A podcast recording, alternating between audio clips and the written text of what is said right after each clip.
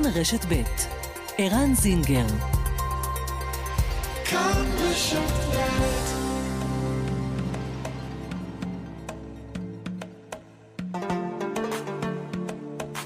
מרחבת, מגזין לעניינים ערביים בארץ ובעולם, עם ערן זינגר. مرحبت مجلة تتناول شؤون العرب في البلاد والعالم مع عيران زنجر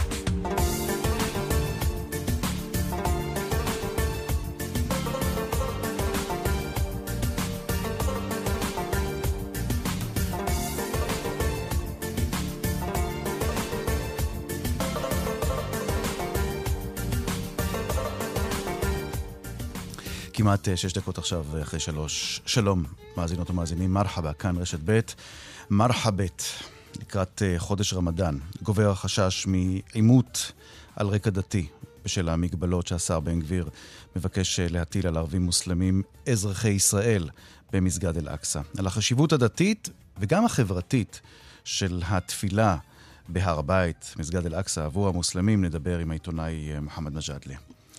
על רקע ההסלמה בגבול הצפוני נשאל על מעמדו של חיזבאללה, ולא רק בקרב העדה השיעית בלבנון. עד כמה שינה ארגון הטרור את המציאות החברתית-כלכלית בלבנון, איך זה משפיע על הנכונות של הציבור הלבנוני בימים אלה לקראת אפשרות של מלחמה נוספת מול ישראל. דוקטור עבד אל-קאדר קנאנה, מרצה בכיר בחוג להיסטוריה של המזרח התיכון באוניברסיטת תל אביב, יהיה איתנו. אוטוטו הבחירות לרשויות המקומיות, זה קורה בשבוע הבא, ולקראת הבחירות נבדוק מה קורה ביישובים הערביים. עד כמה זה דומה או שונה אה, מהבחירות אה, ביישובים היהודיים. איזה משקל יש להצבעה החמולתית בישראל 2024? וגם, עד כמה הפשיעה ברחוב הערבי מורגשת כעת לקראת הבחירות. מוחמד ראושה, מנהל אסטרטגיה בגבעת חביבה, יהיה איתנו. ועוד נושא מעניין, מעניין מאוד, אה, תופעה שלא מרבים לדבר בה, מספרם הגדל והולך של בני נוער ערבים שאינם שולטים היטב בעברית הדבורה, העברית המדוברת. ועל רקע התופעה הזאת נדבר על פרויקט התנדבותי חשוב ומעניין מאוד, עברניית שמו. מרחבת, העורכת שושנה פורמן, המפיק נדב רוזנצוויג, טכנאי השידור יאיר ניומן, אנחנו מיד מתחילים.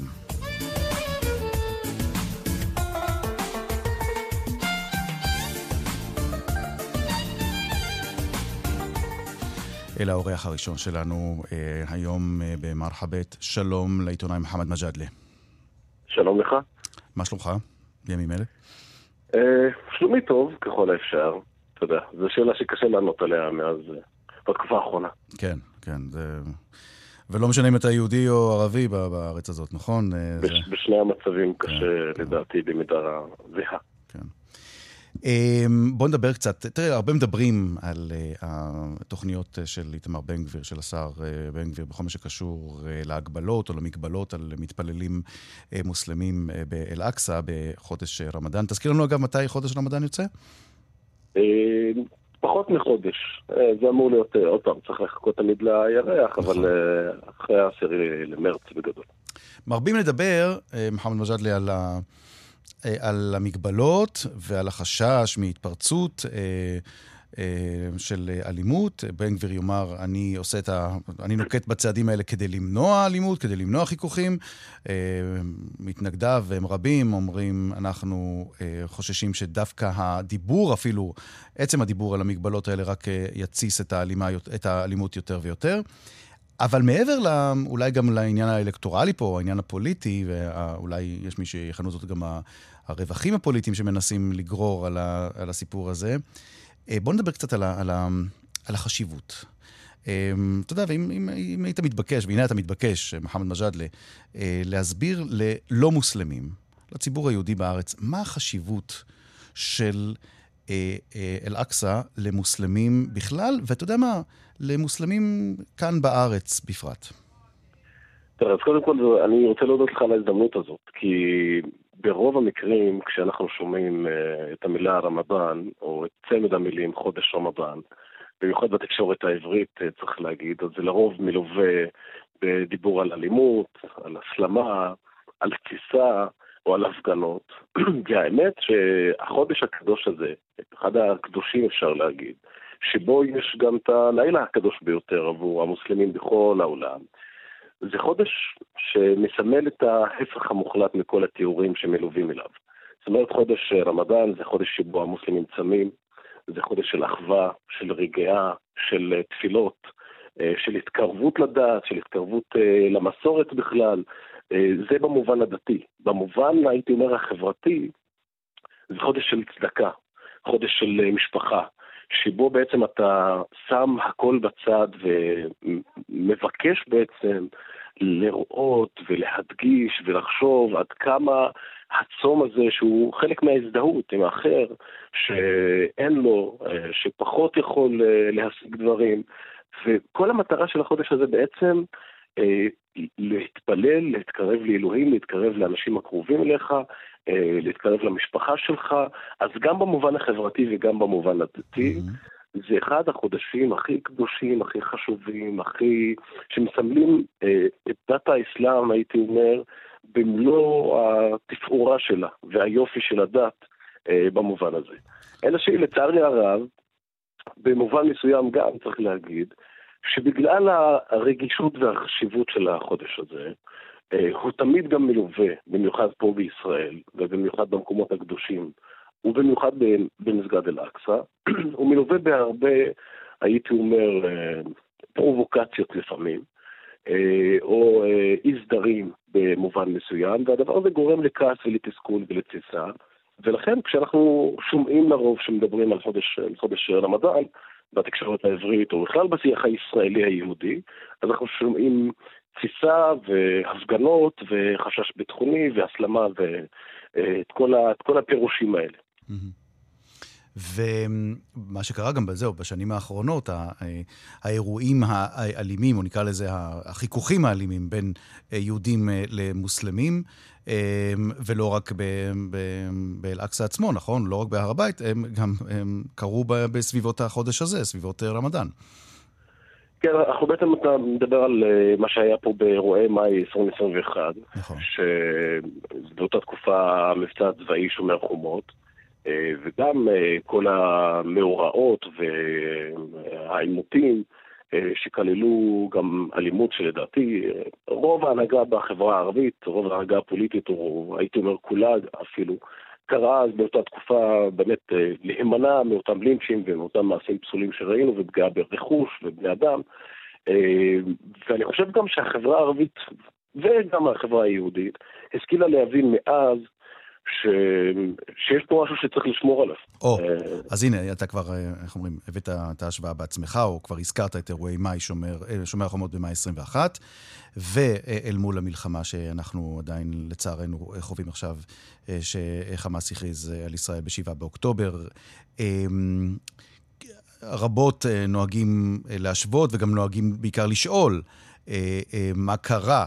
שבשומר החומות ציבור ערבי, רבים מאוד, אלפים מקרב הציבור הערבי, אה, השתתפו באותם אה, אירועים אלימים מאוד, אה, מעשי לינץ', אי אפשר לכנות את זה לפעמים, לדעתי אפילו במילים אחרות, בחלק מהמקרים תיאור של טרור.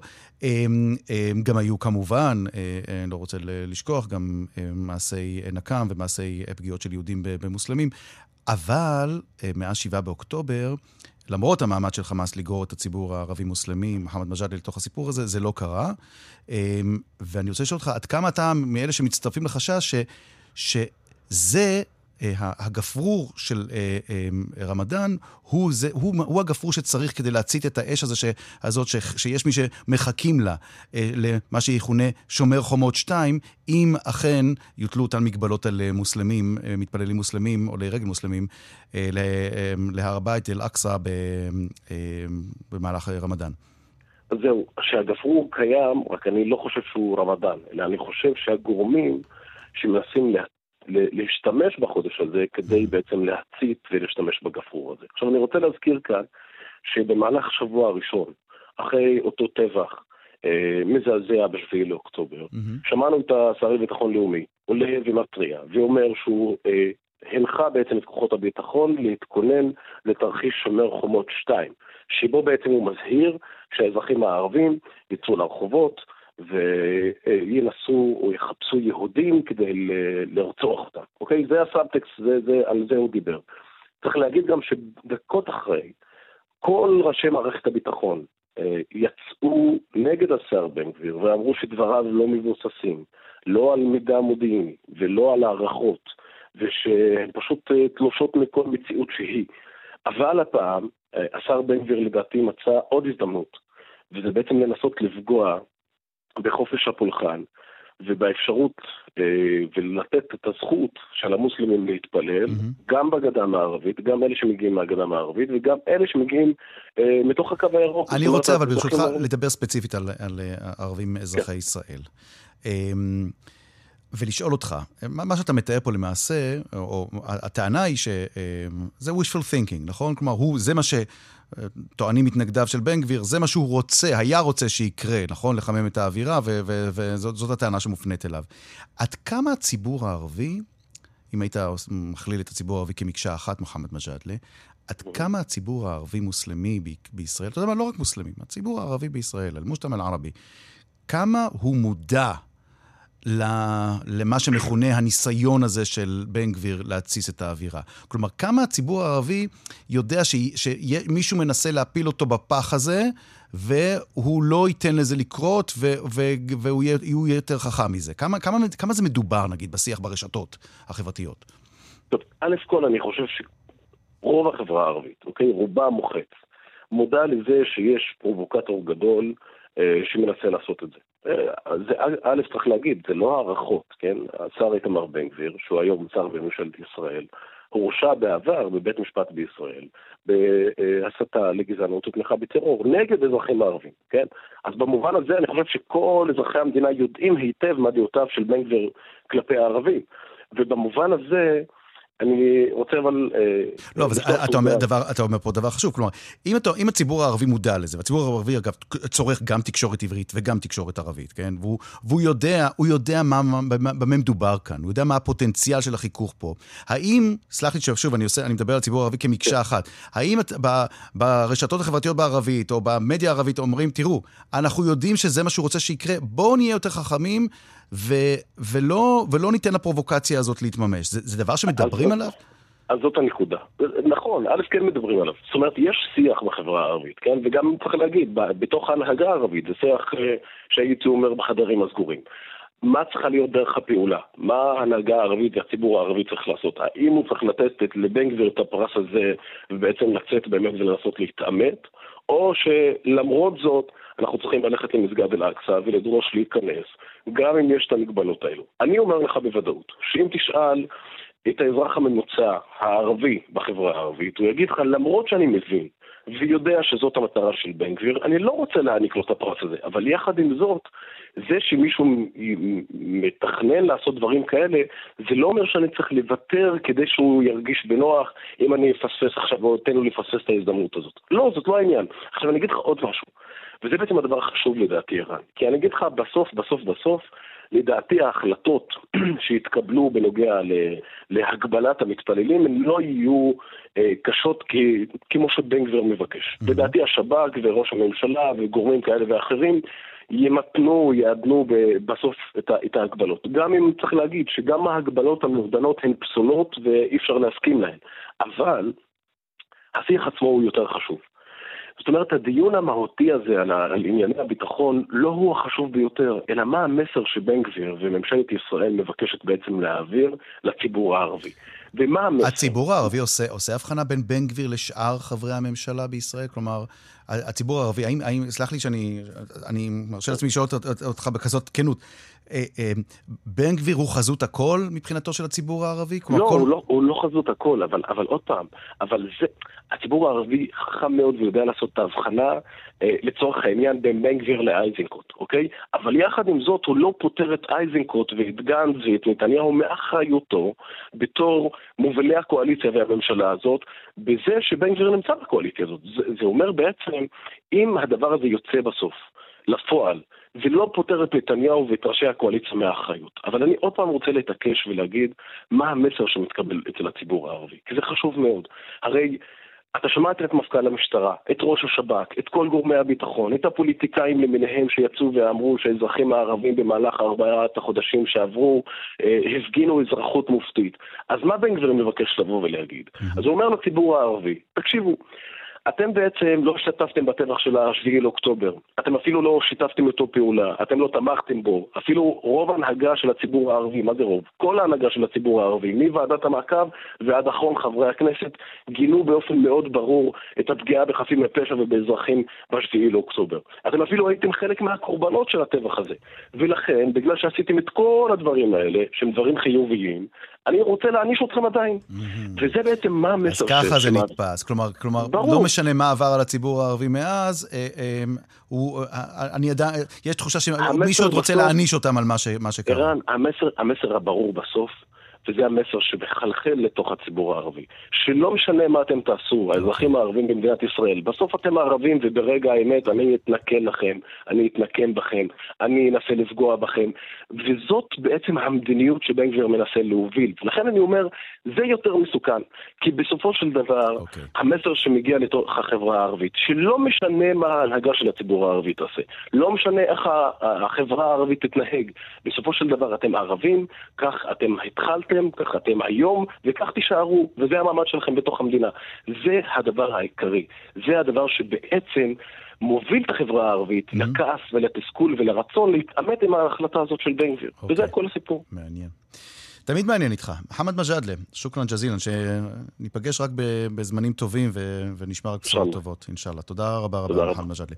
תכף נצא לפרסומת. אחרי הפרסומות, אה, על רקע ההתחממות בגזרה הצפונית שמורגשת אה, בכל שעה, בכל רגע, בכל יום, נדבר קצת על חיזבאללה ועל האתגרים שלו בתוך אה, אה, לבנון, על רקע החשש מהתפרצות החזית הצפונית, או התחדשות הלחימה שם וההסלמה שלה, אפילו לאפשרות של מלחמת לבנון השלישית, ומה באמת חושבים ברחוב הלבנוני, לא רק בקרב תומכיו השיעים, אלא בכלל הלבנונים על חיזבאללה ועל כוונותיו.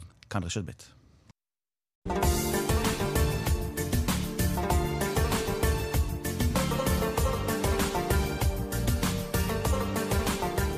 מרחבה, תודה שאתם איתנו. שלום לדוקטור עבד אל-קאדר כנענה. שלום, שלום. מרצה, שלום. מרצה בכיר בחוג להיסטוריה של המזרח התיכון באוניברסיטת תל אביב. איתך אנחנו רוצים לדבר בדקות הקרובות על חיזבאללה, ועל דברים אולי שפחות נהוג לעסוק בהם, כי אנחנו לצערנו עסוקים כל הזמן ביכולות הצבאיות, וב, ובטילים, וברקטות, ובמל"טים אה, שאנחנו שומעים עליהם, וביירוטים. אה, אבל אנחנו רוצים להבין בעזרתך קצת פנימה אל תוך הדינמיקה הפנים-לבנונית שבין אה, אה, חיזבאללה ותומכיו ומתנגדיו הפוליטיים בתוך המדינה הלבנונית, ולהבין עד כמה הציבור בלבנון באמת ערוך. למה שמכונה, מה שכבר מתחילים לכנות מלחמת לבנון השלישית. כלומר, עד כמה עד כמה חיזבאללה יכול להרגיש שיש בו, אה, יש לו תמיכה אה, בתוך הרחוב הלבנוני, או שדווקא המצב בתוך לבנון הוא כזה ש... או המשתנה הספציפי הזה, עלול לגרום לו לחשוב שלא כדאי לו לצאת למלחמה, כי זה רק יפגע בו עוד יותר אחר כך. איך אתה מסתכל על הדברים? יש כמה נקודות וכמה זוויות בעניין הזה. אחד, אני יכול להגיד, ונראה לי שכבר ברור לכולם, שחיזבאללה לא מעוניין במלחמה כללית עם ישראל. Uh, הוא לא יפתח במלחמה כזו. Uh, ככה לפחות uh, uh, uh, מה שהוא אומר בפומבי. עכשיו, כאשר אנחנו מדברים על uh, לבנון, אנחנו מדברים על, uh, על כמה ציבורים בלבנון ולא רק ציבור אחד. Mm-hmm. Uh, בקרב השיעים בלבנון, שמהווים uh, uh, העדה הגדולה ביותר כיום בתוך לבנון, יש לחיזבאללה גב כמעט מלא uh, ותמיכה מלאה. אה, אתה אומר כמעט מלא, כי, כי יש שיעים שמתנגדים לחיזבאללה, נכון? בטח. עד, עד היום. מה, אבל, מה האחוז שלהם בערך, של השיעים שנגדו? זה לא, זה תלוי נגדו במה, כן? אבל זה בסביבות העשרה אחוז. Mm-hmm. בעניין של המוקאוומה ושל העמידה מול ישראל, האחוז הזה מצטמצם, מצטמצם יותר. Mm-hmm. הבעיה שלהם עם חיזבאללה זה לא בעניין של העמידה שלו מול ישראל. והתמיכה שלו בעזה או בפלסטינים. זה מצד אחד. הדבר, המצב הוא הרבה יותר מורכב בעדות האחרות, למרות שגם בעדות האחרות יש תמיכה אה, בחזבאללה ובעמידה שלו מול, מול ישראל ובמאבק שלו אה, עם ישראל. אבל בואו לא נשכח, המציאות הביטחונית של לבנון נמצאת בה כעת מול ישראל, אה, קדמה לה, ואולי אפילו חזקה ממנה, זאת מציאות כלכלית מאוד מאוד קשה, נכון? זה בהפוך על הפוך דווקא יכול לעזור לחזבאללה. תסביר. באוקטובר 2019 החלה מה שקראו לה בהתחלה מהפכת אוקטובר של, של לבנון, כן? אה, שזה היציאה של האוכלוסייה בכללותה אה, מכל העדות נגד אה, המעמד או השליטים הדתיים בלבנון ונגד הממשלה הלבנונית והמשטר הלבנוני בכללותו. וזו הייתה הפעם הראשונה שה, שהמאבק הזה הוא חוצה עדות. אה, ובמידה מסוימת המאבק הזה שם, אה, שם חזבאללה במצב מאוד אה, קשה ובעייתי וקונפליקטואלי. מצד אחד חזבאללה הוא השחקן האחרון שנכנס למשטר הלבנוני ולשליטה במשטר הלבנוני כי הוא אה, לא נכנס למבוכי הפוליטיקה הלבנונית אלא רק אחרי הנסיגה הסורית, אה, אחרי 2005. אז הוא יחסית חדש בענייני אה, השליטה וה... והשחיתות במשטר הלבנוני. אבל מצד אחר יש לו בני ברית מאוד חשובים כמו אמל, כמו הזרם החופשי-לאומי אה, של מישל און ואחרים שהם חלק מהמשטר הזה מזמן רב והם מושחתים כנראה קצת יותר מאשר אה, חיזבאללה ובכל זאת הוא היה צריך לעמוד בפני ההפגנות האלה ולהיכנס לעימותים עם ההפגנות האלה כדי לשמור על המשטר הקיים מאחר והוא הגיע למידה מסוימת של שליטה בתוך המשטר הזה. Mm-hmm, okay. עכשיו, המצב הוא כל כך גרוע מבחינה כלכלית, מבחינה חברתית אה, וקשה מאוד. מאז השביעי באוקטובר והמאבק וחזרת העניין של המוקאומה וההתנגדות והמאבק מול ישראל אל קדמת הבמה. זה היווה מוצא אה, לחיזבאללה מצד אחד, והוא הצליח גם כן במידה מסוימת, לא במידה אבסולוטית, אבל במידה מסוימת, לחזור ולהעלות את השיח של המוקאומה ושל ההתנגדות. מה שאתה אומר בעצם... בדרך כך להחזיר את הסוג של קונסנזוס. אהה, דוקטור עבד אל-קאדר כנעני, מה שאתה אומר זה ש...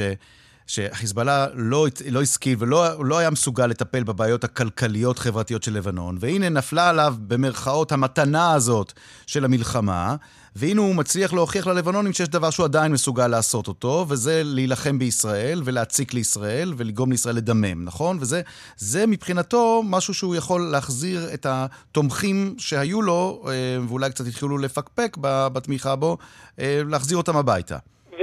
מסוימת אפילו הצליח כבר להחזיר חלק ניכר מהם. אז... עכשיו, בהפוך על ההפוך, הוא לא רוצה את המלחמה הזו, הוא לא מעוניין במלחמה הזו, המלחמה הזו לא בזמן טוב מבחינתו. אבל היא משרתת אותו, אתה אומר. אבל יכול להיות, במידה מסוימת, המלחמה הכוללת אפילו מול ישראל, תהווה מפלט. גם לחיזבאללה, אבל גם לכלכלה הלבנונית בכלל. למה? איך, זה, איך הכלכלה דווקא תקבל בוסט כאן? כי אז לא יהיה, יהיה מנוס למדינות המפרץ שממאנות אה, לשלם ולממן את המדינה הכושלת הלבנונית במשך כמה וכמה שנים. Mm-hmm. הם הסירו את התמיכה שלהם מהמדינה, ואם ותהיה מלחמה חלילה, כן? מלחמה גדולה שגם אנחנו נסבול ממנה, לא רק הלבנונים. זה יוביל, זו תהיה הזדמנות לחיזבאללה לפתוח את הברזים מחדש. לפתוח את הברזים, אתה אומר. בדיוק, בדיוק. אין מנוס למדינות המפרץ מלעשות את זה לאחר מכן. אז הנה עוד סיבה אולי אה, למקבלי החלטות. במיוחד שזה תחת הסיסמה של פלסטין כן. ושל, אה, ושל עזה. תגיד עוד, עוד מילה ברשותך, דוקטור אה, כנענה. כן. אמ, עצמאות ההחלטה. כלומר, תראה, אני תמיד נזכר בסיפור הסורי. ובדיווחים על כך שהיו שנסראללה לא באמת רצה, לא רצה להיכנס פנימה לתוך סוריה לעזור לאסד, והאיראנים הכריחו אותו, כך על פי הדיווחים. והוא שילם על כך מחיר מאוד כבד, והרבה מאוד הרוגים מקרב אה, חיזבאללה, ובסופו של דבר, אה, הכניסה של חיזבאללה לתוך הזירה הסורית אה, עזרה לשמור, להגן על שלטונו של אסד וגם על האינטרסים האיראנים. כמה הסיפור הזה דומה? כמה לדעתך חיזבאללה ימצא את עצמו בנקודה שבה הוא אומר, אני לא רוצה להרחיב את הלחימה, אבל האיראנים מאוד רוצים שאני ארחיב את החזית ואני אחמם את החזית מול ישראל. אה, מה הוא יעשה במצב כזה? אה, אה, טוב, התשובה היא מורכבת, אבל אני אנסה לפשט. מצד, בעניין העצמאות של, של חיזבאללה, חיזבאללה הוא לא... בוא נגיד כך, הוא לא כמו שאנחנו נוטים לדמיין, הוא לא uh, בובה של, של המשטר האיראני uh, ויש לו אינטרסים משלו ויש לו מידה מסוימת של, uh, של עצמאות. יחד עם כך, אני חושב שהאינטרסים, גם האיראנים, במקרה הזה הספציפי, האינטרסים האיראנים והאינטרסים של חיזבאללה בלבנון הם דומים ושניהם לא מעוניינים ב...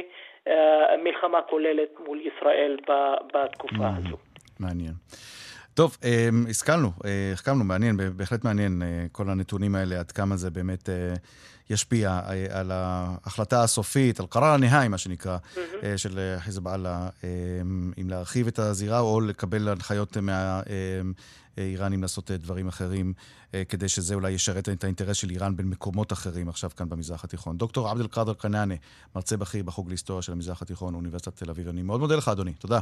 תודה לך. תכף נצא לפרסומות. אחרי הפרסומת נדבר על הבחירות אה, ברשויות המקומיות הערביות. האם יש שם אווירה של חג, אם אפשר בכלל לדבר על אווירה של חג בימים כאלה, כמו שאנחנו רואים ביישובים היהודיים, האווירה של תעמולת בחירות, של קמפיינים של בחירות, של אוטוטו, שבוע הבא, יום שלישי, אה, הולכים אה, לשנות את המציאות הפוליטית בתוך אה, היישובים, או שאצל הערבים אולי המציאות היא אחרת והמצב נראה אחרת ונשמע אחרת. אנחנו נדבר על כך מיד אחרי הפרסומות. כאן רשת ב'.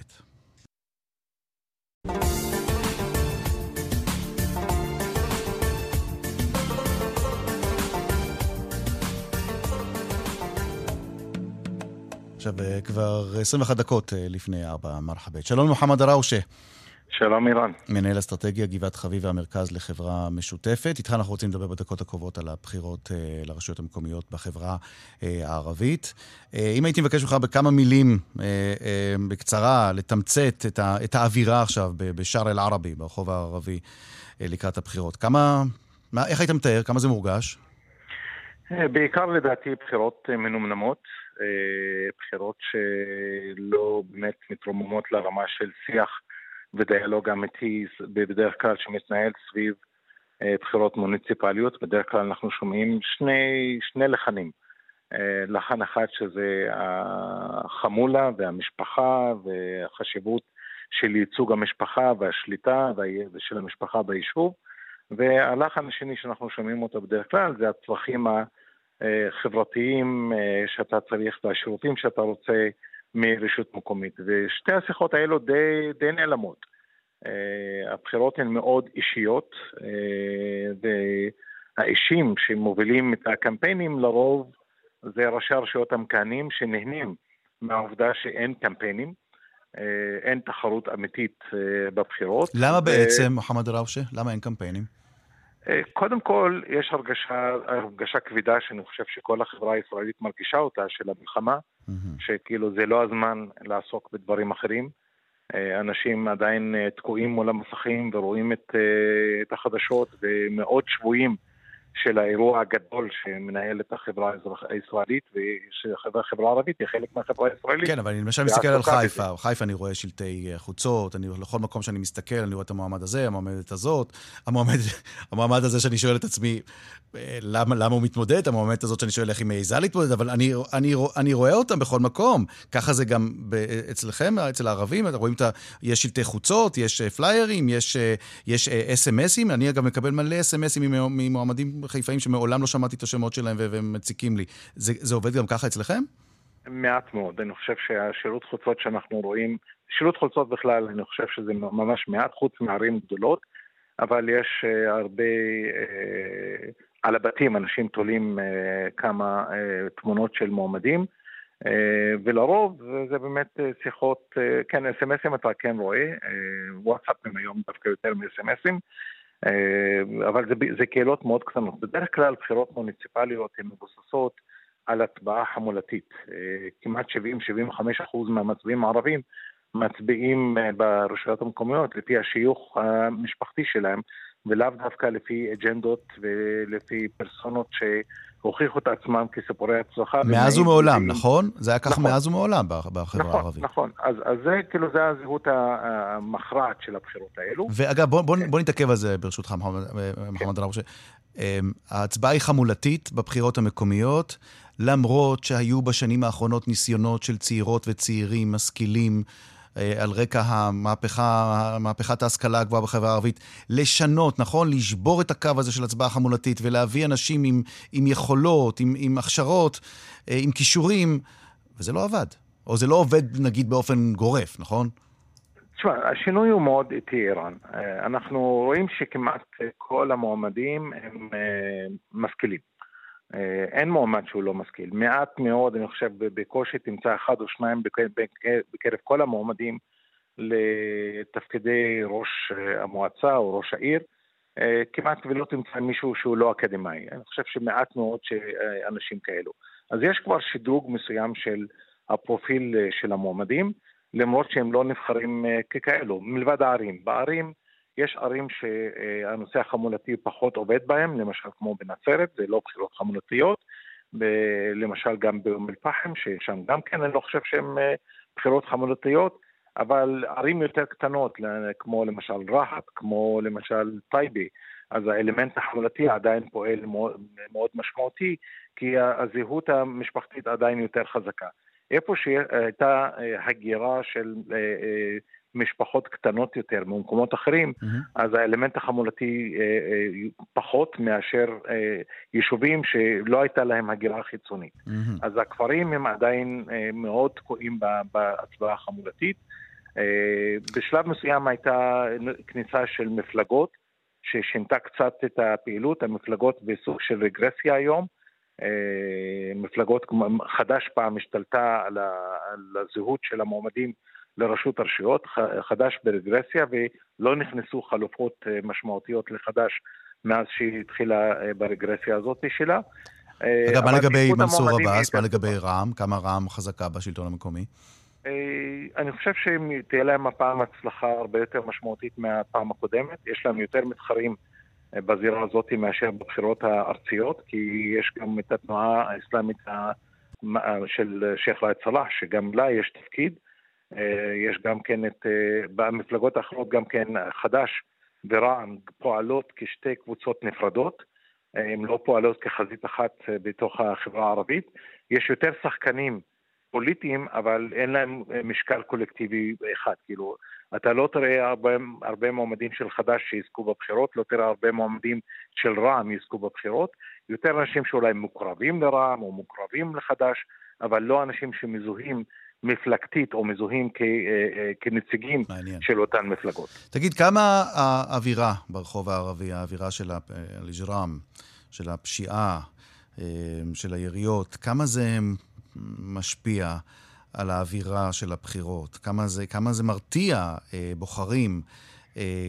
אולי אנשים שעוסקים בקמפיינים, כמה, כמה אתה חושב שיש לזה שזה פקטור, האלימות בחברה הערבית היום?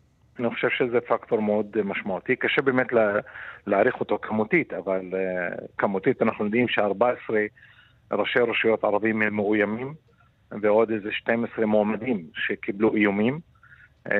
איומים מקבוצות פשע שמנסות או להרתיע מועמדים מלהמשיך בקמפיינים שלהם, או מנסות להשפיע על תוצאת הבחירות בכדי שהם בעצמם יזכו בניהול שהמועמד שלהם יזכה בראשות אותן רשויות. אז זה פקטור מאוד משמעותי, אולי משפיע על 20-30 אחוז מהבחירות מה, או מהרשויות שיש וואו, בהן נוכחות. זה הרבה, זה הרבה. זה, זה, זה הרבה מאוד. זה, זה אומר שיש סכנה ש-20-30 אחוז מהרשויות המקומיות הערביות שיהיו בשליטה של קבוצות אה, אה, פשע של, שיכולות להשפיע על חיי האזרח. ו... וזה זה מאוד מפחיד, זה ול... מאוד מפחיד. ולמרות זאת, נאמר לסיום, עדיין שיעור ההצבעה לרשויות המקומיות בחברה הערבית גבוה, גבוה מאוד, גבוה הרבה יותר משיעור ההצבעה של הערבים לכנסת. נכון, בבחירות לכנסת האחרונה, הבחירות היו, 53% מהערבים הצביעו, בבחירות האחרונות לרשויות המקומיות זה היה 88%. זה גבוה מאוד. יש פער עצום, אבל אני מניח שבגלל אווירת הנמנום אה, שקיימת עכשיו, אני חושב שהפעם נחווה... אה, פחות, הרבה פחות מ-88 אחוז, אני מניח שאם אני רוצה להמר, על קרוב ל-75 אחוז, לא יותר. או, טוב. ועדיין גבוה בהשוואה לבחירות הארציות. נחיה ונראה, נראה מה קורה ביום אה, שלישי. אה, גם ביישובים הערביים, ברשויות הערביות המקומיות לקראת הבחירות שם. מוחמד ראוש, מנהל אסטרטגיה, גבעת חביבה, המרכז לחברה משותפת, תודה. אתה יודע מה, לפני סיום, האייטם כן. הבא שלנו עוסק ב... בצעירים אה, מהחברה הערבית שלא דוברים עברית כמו שההורים שלהם מדברים, או שנהגו לדבר כשהם היו בגילם. זה נושא שאתה מכיר אותו מקרוב, נכון? נכון מאוד. כמה התופעה הזאת רחבה? يعني فيما يتعلق بالعبري المحكي, השפה המדוברת, הדבורה. בדיוק. קודם כל, איכות המורים היא לא מתאימה למשימה. אה, הרבה מהמורים הערבים לשפה העברית למדו במכללות ערביות והם מלמדים עברית בערבית. זה כמו שפעם לימדו אנגלית אה, גם כן בערבית, עד שבאמת אה, הבינו שללמד שפה, שפת ההוראה צריכה להיות בשפה, בשפה שאתה מנסה להנחיל לתלמידים. הפרויקט שאני דווקא התחלתי ב-2005 להכניס מורים יהודים ללמד עברית אה, מדוברת. אה, זה ממש מגיע להצלחות אה, מדהימות. Mm-hmm. ילד ערבי שהמורה לעברית שלו הוא יהודי, ממוצע הציונים שלו בעברית הוא 86, oh. כאשר ילד ערבי... שהמורה שלו ערבי, הציונים שלו זה 68. אז בדיוק בנס... יש פער עצום. בדיוק על זה אנחנו הולכים לדבר עכשיו, מוחמד עאווי. תודה רבה על הנתונים האלה, כי הם חשובים מאוד והם עוזרים לי לקיים את השיחה הבאה בצורה קלה יותר. מוחמד עאווי, שמנהל אסטרטגיה גבעת חביבה, תודה רבה. תודה לכם. שלום לתמי ששון. שלום. שותפה בצוות uh, מיזם עברניית. מה זה עברניית? עברניית זה מיזם שהוקם בשנה וחצי האחרונות, mm-hmm. שהוא מאגד מתנדבים כמעט בכל הארץ, ממעלות תרשיחא בצפון, דרך אה, סכנין וחיפה אה, דרך אה, טייבה. מתנדבים יהודים, נכון? מתנדבים יהודים דוברי עברית. מה, זה בעיקר פנסיונרים, אה, אנשים מבוגרים, נשים מבוגרות? יש הרבה, אבל יש גם הרבה צעירים. כן. יש לנו השנה 150 מתנדבים ב-22 בתי ספר. שזו קפיצה, כמעט שילשנו את מספר המתנדבים משנה שעברה, שזאת הייתה השנה הראשונה שעבדנו בשטח. והמתנדבים שהם דוברי עברית, ורובם אין להם, אין להם אפילו אה, מינימום של אה, ערבית, אה, וזה מצוין מבחינתנו. זה מצוין הם כי הם מביאים את העברית שלהם, ואין להם, את אומרת, כמו שאת אומרת, כמעט ערבית, הם באים אל קהל שגם אם הוא למד עברית, עברית ספרותית, אין לו שום אפשרות לתרגל את השפה הזאת, נכון? בדיוק. Uh, המתנדבים שלנו מגיעים לבתי הספר בחברה הערבית מכיתה ו' ומעלה עד, עד uh, סוף תיכון. Uh, נפגשים, כל מתנדב נפגש עם שתי קבוצות קבועות של חמישה-שישה תלמידים, שיש להם, יש להם עברית ברמה כזאת שהם יכולים להבין או לנהל את השיחה הקטנה יותר, הקצרה יותר, ובעצם משוחחים איתם באופן קבוע כל שבוע משוחחים על נושאים ברומו של עולם. אמרת לי בשיחה מקדימה שבדרך כלל נהוג, כמה זמן שיחה כזאת לוקחת? שיעור. זה שיעור. ממש חלק ממערכת הלימודים. בחלק מבתי הספר זה גם אה, שיעורים ככה מעבר לשעות הלימודים, אבל זה ממש בתוך המערכת. תגידי, כמה ביקוש יש לזה, תמי ששון? כמה, כמה את רואה אה, שבאמת הצעירים בחברה הערבית רוצים או צמאים לדעת אה, אה, עברית יותר ממה שהם כרגע יכולים לדבר?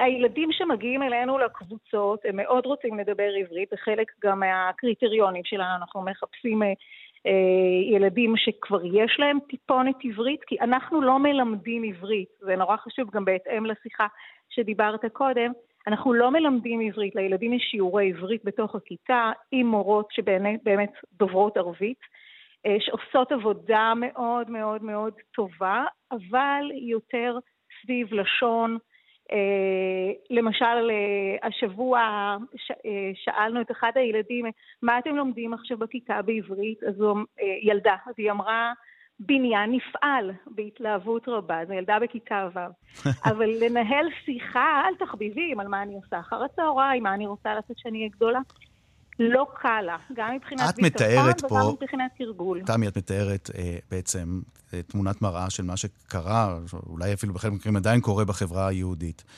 מלמדים, מלמדים ערבית בצורה טובה, את, את הדקדוק הערבי, את הספרות הערבית, ו, ותלמידים בכיתה י"א-י"ב, אם הם מתמידים בחמש יחידות, אז הם יכולים לתרגם, תמיד אמרתי, אה, מפרט טכני של טיל בליסטי, אבל אחר כך, אם אני צריך אה, לצאת לסופר או לשוק ולקנות אה, קילו עגבניות, אני, אני מתחיל לגמגם, אני לא יודע איך להגיד את זה, נכון? ואת אומרת שזה אותו דבר קיים בערבית דבר. לגבי השפה העברית.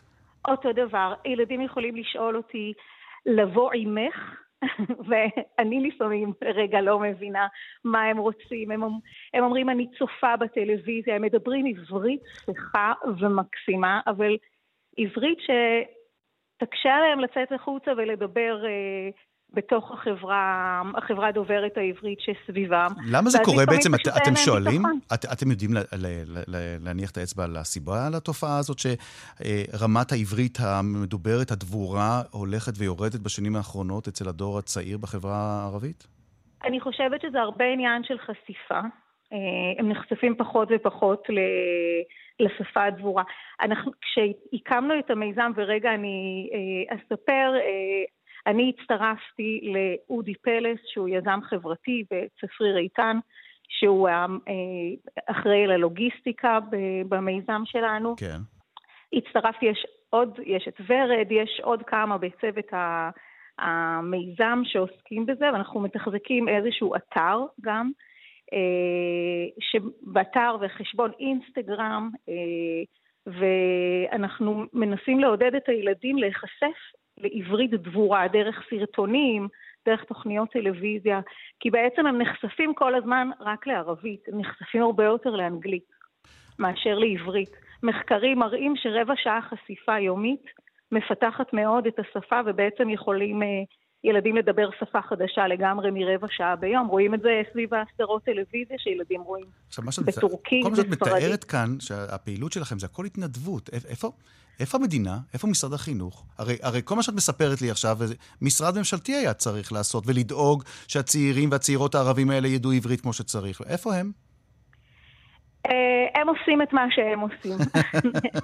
אוקיי, יצאת מזה יפה, יצאת מזה יפה. אני יודעת מהשטח, אה, קודם כל אני, אני הייתי המון המון המון שנים מורה, אז אני האחרונה ש... ש תגיד משהו על העבודה הקשה מאוד והמסורה מאוד. אני לא מדבר על המורים, אני מדבר על מקבלי ההחלטות במשרד החינוך. אז קטונתי. שם okay. אוקיי. קטונתי, אז... אבל uh, באמת uh, אנחנו מאפשרים להם הזדמנות לשיח דבור עם דובר עברית. וזה חשוב, שזה חשוב. משהו שאין להם, להם ביומיום, כי כמו שאמרת, הם לומדים ערבית עברית בערבית, כן. ולא עברית בעברית. עוד דבר, איך, איך, איך מצטרפים לפרויקט הזה, למיזם מיזם ההתנדבות הזה? אז קודם כל בגוגל כותבים עברניית, mm-hmm. וזה ישר מופיע, ובתוך האתר שלנו אה, יש חלק למתנדבים, יש חלק לילדים, החלק למתנדבים אפשר למלא טופס, ואנחנו ניצור אה, עם המתנדב קשר. אני אגיד שהמיזם שלנו גדל מאוד, ובחודשים האחרונים אה, היו מעל 50 פניות של מתנדבים חדשים. כך שאני חושבת שיש המון אנשים ש... הנושא הזה קרוב לליבם. הרבה מאוד כנראה. ועכשיו אחרי השיחה הזאת אצלנו, אני מניח שיהיו לך עוד הרבה מתנדבים, את יכולה להיות בטוחה. שזה יטעין אותם בהמון המון המון תקווה ו- וכוח. זה פרויקט שהוא ממלא... חשוב מאוד. עברניית. תגגלו, אם אתם מתעניינים, אם אתם מתעניינות, מתעניינים, עברניית. אה, ותעשו את זה בגוגל ותמצאו ותוכלו לדעת איך, איך תוכלו, אם אתם רוצים, להצטרף לפרויקט ההתנדבותי הזה. תמי ששון, שותפה בצוות מיזם עברנייה. תודה רבה, תמי. תודה, תודה רבה. רבה. עד כאן מרחבת להפעם. לפני סיום, אה, מילה אישית. בשבוע שעבר, אחרי הריאיון שעשינו עם שרה, אה, שיש לה משפחה בעזה, שכמה מבני משפחתה בהם נכדים שלה נהרגו אה, במהלך המלחמה, כתבה לי אחת המאזינות. אני מקשיבה בעניין לתוכניות שלך ולומדת מהן הרבה. כמי שמעריכה את רגישותך על הקשר העדין בין אנשים במרחב הזה, נדהמתי להקשיב לתוכנית בה ראיינת אישה ששכלה תשעה בני משפחה. הם הוזכרו כמה פעמים בשיחה, ולא אמרת ולו פעם אחת שאתה משתתף בצערה. נכון, לא אמרתי שאני משתתף בצערה, ואולי זה מלמד על משהו שקרה לכולנו. אז הנה, זו הייתה ההזדמנות לשרה להגיד שאני משתתף בצערך. אני משתתף בצערם של כל מי שאיבדו אה, יקירים חפים מפשע במלחמה הזאת באשר הם. וזה המסר שאני רוצה להעביר מכאן, מאזינות מאזינים. עד כאן מרחבת להפעם, תודה רבה לשושנה פורמן שערכה. לנדב רוזנצוויג שהיה המפיק, ליאיר ניומן, טכנאי השידור, אני ערן זנגר, אחרינו כאן ספורט עם ליאן וילדאו. המשך האזנה מעניינת כאן, רשת ב' להתראות.